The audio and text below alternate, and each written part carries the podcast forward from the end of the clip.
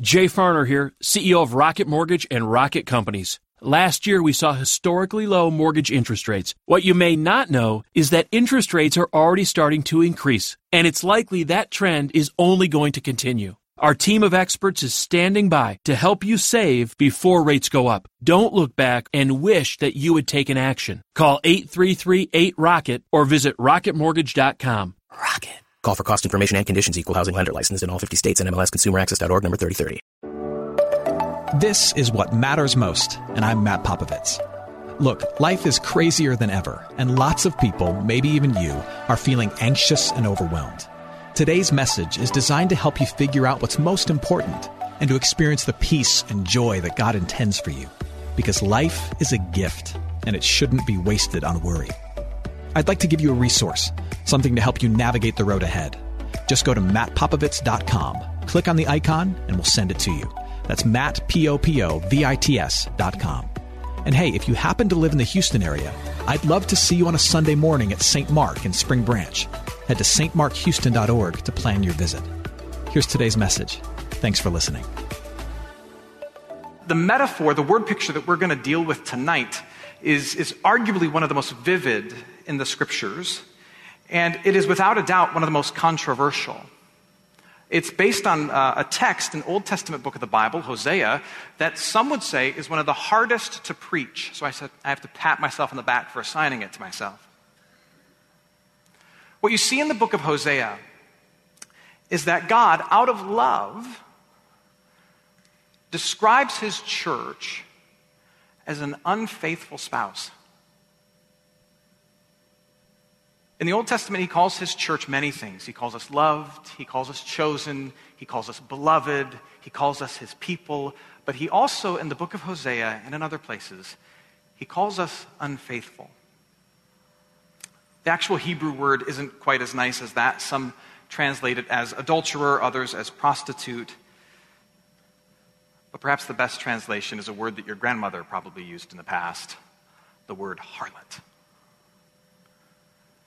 The Old Testament book of Hosea is the words, the letter of a prophet. A prophet had a simple job in the Old Testament. His job was to speak tough truth on behalf of God to God's people. And in this particular era, when, when Hosea was speaking, God's people needed tough truth. In Hosea's day, God's people, the Israelites, uh, were a massive nation made up of, of two kingdoms. The two kingdoms were Israel in the north and Judah in the south. And each of these kingdoms were, were riddled with problems. They were riddled with corrupt leadership in both the North and South Kingdom. Uh, there was an ongoing on again, off again civil war between these two nations. There was the constant threat and fear of destruction from the outside. There was intense immorality, and there was a great deal of idolatry.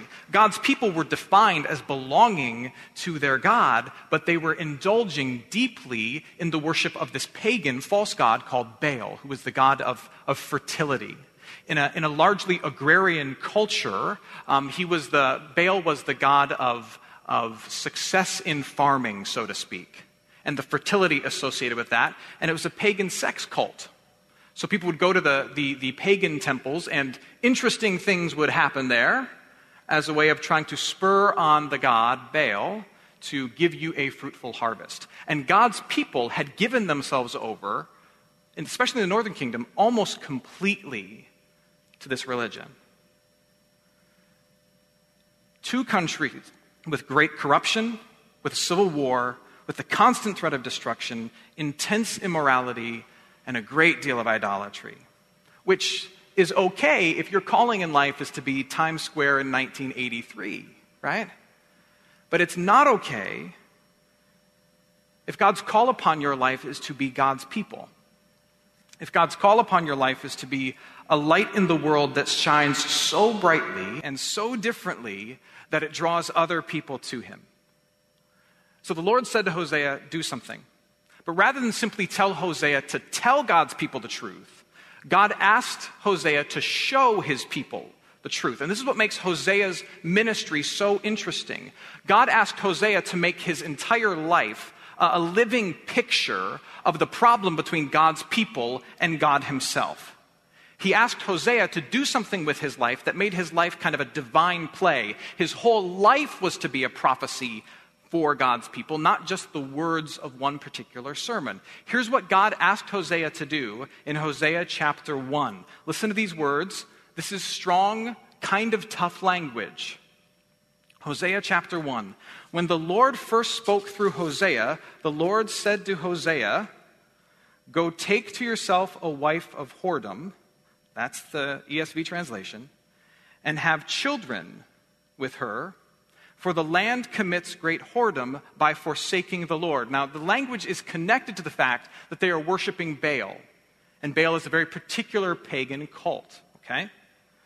So Hosea went and took Gomer, the daughter of Diblaim, and she conceived and bore him a son. So here's what's happening God says to Hosea, Hosea, you're a prophet. Good news, I've got a new job for you. There's good news and there's bad news, however. Good news is this I want you to get married. That's the good news. In fact, I've picked out a woman for you, and she's horribly unfaithful. Hosea is thinking, that's gotta be the bad news, right? And God's like, no, here's the bad news. Her name is Gomer. That's the bad news. Now, God's plan in this arrangement for, for Hosea to pursue a chronically unfaithful person and to love her is to make a statement through this choice of who Hosea would love. His, his, his plan was this all of humanity, even the church, is like Gomer. We are spiritually promiscuous. We give ourselves to anything we can that we think might bless us. It's as if we, we have this little voice inside of us that's constantly saying, as we scan the horizons of our life, oh, can I obsess over that? Can I, can I make this thing the main thing of my life? Because if so, then I'm into it. So here's my question for you Do you believe that about yourself? Do you believe that the marriage of Hosea, the faithful prophet, to Gomer, the unfaithful, is an accurate picture of God's relationship with his church? Of your relationship to him? Are you spiritually promiscuous? Because I am. Uh, do, you ever find yourself living as if certain important but ultimately secondary things are the ultimate thing? Uh, living with your heart craving after things like success at work, uh, admiration from others, the, the acquisition of stuff, being comfortable, being funny being trendy, having a certain physique, and then you find yourself not only hungering after these things, but making certain intimate and significant sacrifices in your life in order to get these things. Of compromising your integrity in order to kind of lustfully acquire these things. I really want to be accepted, and I know my standards are here, but I'm willing to take them here in order to have the applause of people out here. That's idolatry. It is spiritual promiscuity. Back to Hosea. He marries Gomer, and they have three children together. Only one of the children, however, would be his. The other kids came from, from flings that Gomer had with other men. At one point, the unfaithfulness was so out of control that Hosea, urged by God, publicly stated his grounds for divorce should he pursue one in front of friends and family, including his children. Hosea chapter 2. Plead with your mother, plead, for she is not my wife. In other words, she's not acting as my wife, and I'm not her husband. That she put away her activity from her face and her adultery for their mother has played the whore. She who conceived them has acted shamefully. For she said to herself, I will go after other lovers, other lovers who give me bread and who give me water, who give me wool and who give me flax and who give me oil and drink. Tell her that she may be punished for the feast days of the Baals when she burned offerings to them, when she adorned herself with their ring and their jewelry, and went after her lovers and forgot me, declares the Lord. So Hosea gathers his family and he says, We have to tell your mother to stop. She's living as if she's not my wife, and I'm about to give her exactly what she wants. I'm about to set her free. And it's not as though she's cheating on me just a little bit, as if just a tiny in- amount of infidelity is somehow okay. She's sleeping with other men in order to get all the stuff that I'm actively giving to her food, clothes, and so much more. This is wrong. Don't you see it? And this needs to end, Hosea says. Otherwise, her self destruction is inevitable. That's how broken Gomer was. And God says, That's how broken my people are.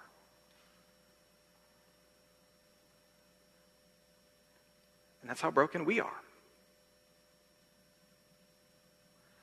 Now, you may wrestle with this and say, okay, that, that may be true, but, but why point this out? What good can come of pointing your finger at someone and saying that you're unfaithful to God. The, the, reason God tells us that we're an unfaithful spouse is precisely because He's a loving husband, because He's a concerned husband, so to speak, to use that metaphor. He's a wants what's best for us husband, which means He's also a loving but painfully truthful husband.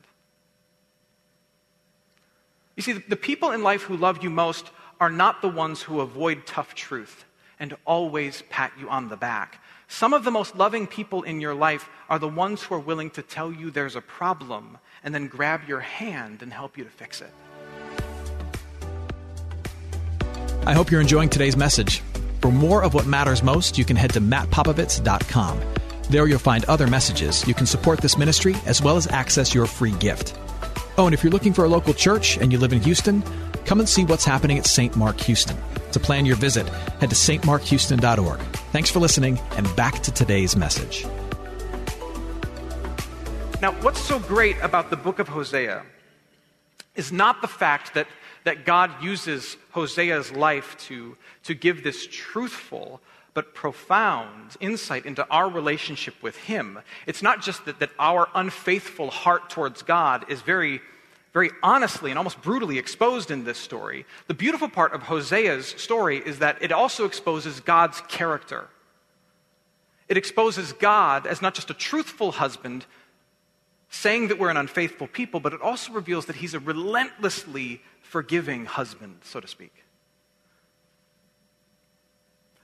chapter 3. At this point, some time has gone by in Hosea's life, and, and Gomer has gone off the deep end, uh, so overboard in her obsessions that she's become a slave, uh, selling herself into the sex trade. And Hosea catches wind of what's happened. She's been gone for some time, and he finally hears that she's been caught up into this world, a world that still exists, by the way. A world that is still um, very much active in the borough of Queens and has a history of being active in this neighborhood, where young people, in particular young women who come into this country, are caught up into an industry that they are, in essence, sold into and are being bought and sold around us all the time in this city. Corona, Queens is one of the capitals of this in the entire world. It still happens. Gomer is caught up into this, put herself into it willingly. She sold herself into the trade. Hosea catches wind of what's happened, and he hears a voice from God. Now, listen to these words Hosea chapter 3. This is the Lord speaking to Hosea. The Lord said to me, Go again and love Gomer. Love your wife who is loved by another man and is an adulteress. Even as the Lord loves the children of Israel, though they turn to other gods. Now, Hosea is speaking. So I went and I bought her I bought her for 15 shekels of silver and a homer and a lethech of barley. The reason he bought her is because he wasn't going to be able to go to the place and say, Oh, by the way, guys, that's my wife. Can I just have her back? He went and he paid for her, and I said to her, You will dwell as mine once again. You will never belong to another man, and I will belong to you. Now, just picture that for a moment. There is a marketplace where human beings are being bought and sold. And a crowd is gathered in front of the stage, and Hosea presses his way to the front. His wife is about to be sold like an item on Craigslist, and she catches his eye, and he raises his hand, and he's willing to pay any price for her, any price at all, in order to bring her home. Do that for Gomer, God says. And let my people know that that's what I will do for them. They may sell themselves to other things over and over and over again, proving themselves unfaithful, but I will always go to where they are and I will rescue them. I will buy them back. I will pull them out of the life they've put themselves into. I will bring them home. I will make them mine. You see, the church is as bad as Gomer. But do you believe that God's pursuit of the church, that his pursuit of us is as outrageous as Hosea's? You see, sometimes we like to throw around phrases like the gospel is offensive in its beauty. And everyone likes to say things like that, like the love of God is unbelievable, until we actually paint a scenario of it being unbelievable and kind of offensive. In order for it to be unbelievable and kind of offensive, we have to be offensive people, and God's love has to be extensive beyond measure. We have to be people who sell ourselves to things that can't give us what we want. And He has to be a God who will chase after us even though we don't deserve it. And nine times out of ten, we act as if we say even that we don't want it. But did you know that no matter how often you stray from Him, how badly you forget Him, how horrifically you cheat on Him, that He has bought you, He has paid the price for you, He will rescue you, He will forgive you, He will restore you every single time? That's what the cross of Jesus is about. Christ's death on the cross is where our. Uh, our slave price was paid, so to speak, not in barley, but in blood. God forgives his people through Christ's death so that despite your selfishness, you can always be welcomed back as his bride. Always. Now, now here's how this hits home. First, if you're here as an unbeliever, if you're not a Christian, this is a welcome space for you. In many ways, we started this church, we planted it for you so that you could come here and listen to Christianity and meet Christian people and kind of stare over the fence and see what we're about and be intrigued by it, to understand it and either receive it or reject it, but know it and experience it. But here's what the book of Hosea tells you, and don't get mad at me. As I like to say, I don't write the mail, I just deliver it. What the story of Hosea tells us is that if you're not a Christian, then you're in need of someone to save you. And you might not agree with that, and that's fine, but that's what this says. It says in this metaphor that you are a Gomer with no Hosea. You're a, you're a hot girl with some bad habits and an ugly name. And right now, you may think life is great, but the truth is that you're floating from thing to thing to fulfill you, and it can't really do what you want it to do. You're kind of eating ashes, so to speak. And look how the book of Hosea ends. Chapter 14, verse 9, it says, Whoever is wise, let them understand these things. Whoever is discerning, let them know these things. For the ways of the Lord are right, and the upright walk in them, but transgressors stumble in them. Just before that verse, here's what it's saying wise people do it's saying wise people believe that though they're broken, God always woos them back.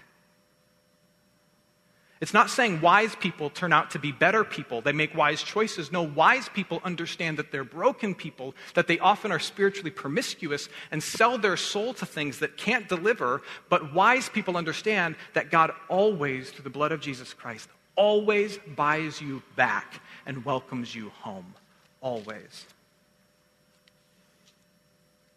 Real wisdom is found in taking these words to heart. God is real, God is here, and like Hosea to Gomer, despite your dysfunction, He's taking your hand, He's pursuing you, and through the work of Jesus Christ, He's forgiven you. For the rest of us, for those who are here as, as followers of Jesus, these words serve as a warning and a reminder.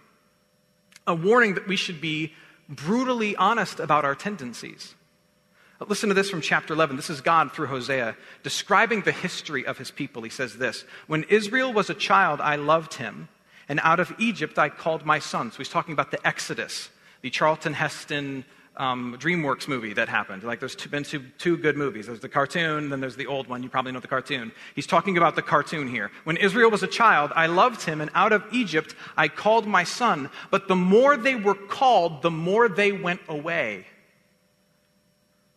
They kept sacrificing to the false gods and burning offerings to idols. We have to be honest as a parish and also as individuals that we will be constantly tempted to make something other than Jesus the most important thing in our life. Always. As a parish and as an individual. And that the only antidote for that tendency is to regularly repent. That's a kind of a Christian word for turning away from that attitude and embracing the mercy of Jesus Christ. The only way to to ha- have an antidote to that is to regularly repent of that addiction and fall on God's grace. And that's what makes Sunday nights so important. After a week of grabbing onto other things and filling our plate with things that won't satisfy, and flirting with things that we think we might want to make our other God, they fall away through singing, they fall away through learning, they fall away through giving, they fall away through receiving the sacrament, and we are wooed and we are won again by our faithful God through the overwhelming love of his sacrificed son. And we come into this place and we walk out and we go, oh, that's right. No one will ever do for me what you can. No one will ever love me the way you can. I have tried to give my heart and soul to other things this week, but you love me most. You love me best. The other day, um, Lisa asked me what I'd be preaching on this Sunday, and I told her, I said, the book of Hosea, and about how the church is an unfaithful wife. And she looked at me, she said, That's depressing. And I kept thinking, well, well, it's only depressing if you stop the story short. It's only depressing if you don't read the last chapter where God says to Gomer, Go find your wife, and no matter what she's done, love her. It's only depressing if you don't hear God say, Go find the church and tell the church that no matter what she's done, I love her. But that's what makes the book of Hosea so beautiful. God exposes us as we are. The story of Hosea is simple. It goes like this One day, a really good guy caught a glimpse of a broken girl. He saw her, and the instant he laid eyes on her, he could see a beautiful picture of the future with her and, and the two of them began to grow close, much to the disappointment of his friends and family. They could see it becoming a seriously one sided relationship. You know, the kind of a relationship where one person does all of the work to make it work, and they could see that this broken girl was taking advantage of the good guy's love. They were together, but there'd be weeks where she would disappear and she wouldn't call, but then she'd show up later saying how much she missed him and asking for money. Twice she was caught with some other guy, but everybody knows that it wasn't just twice. The first time she came crawling back, and the other time he actually had to go looking for her. And when he found her, like a crazy man, he wrapped his arms around her and he instantly forgave her. But this is the really insane part. Despite all of that heartache, he got down on one knee and he asked this girl to marry him. And the, and the pews at the wedding were empty out of protest. The world thought it was a massive mistake. But standing there at the front as the groom, he was all smiles, and she stumbled in the door 20 minutes late. And the marriage between these two didn't fix anything. She still cheated. She'd crawl back. She'd bolt from his arms and he'd run after her. And yet, when asked why he kept pursuing her, kept getting help for her, kept loving her, he'd say, Well, if I didn't, then her dysfunction would own her. Besides, I still see a beautiful future with her. You might think that's a sad story. I find that to be a beautiful one. I also happen to believe that it is our story as the church. As people, we have promiscuous hearts. But as the people of God, we have his unrelenting love. And that's what makes all of the difference. Amen. Hey, it's Matt. I hope you enjoyed what matters most. Here's what I need you to know life is a gift, and it shouldn't be wasted on worry. I want to help you figure out what's most important and to experience the peace and joy that God intends for you. So, for more content, you can head to mattpopovits.com. That's Matt, P O P O V I T S.com. There, you can also support this ministry as well as access your free resource, a little something to help you navigate the road ahead. I'd also love to see you on a Sunday morning. If you're in the Houston area, head to stmarkhouston.org to plan your visit. In the meantime, hit me up on Instagram at mpopovits or at facebook.com slash Matt Popovits Ministries. Thanks for listening. Now go and hold tight to what matters most.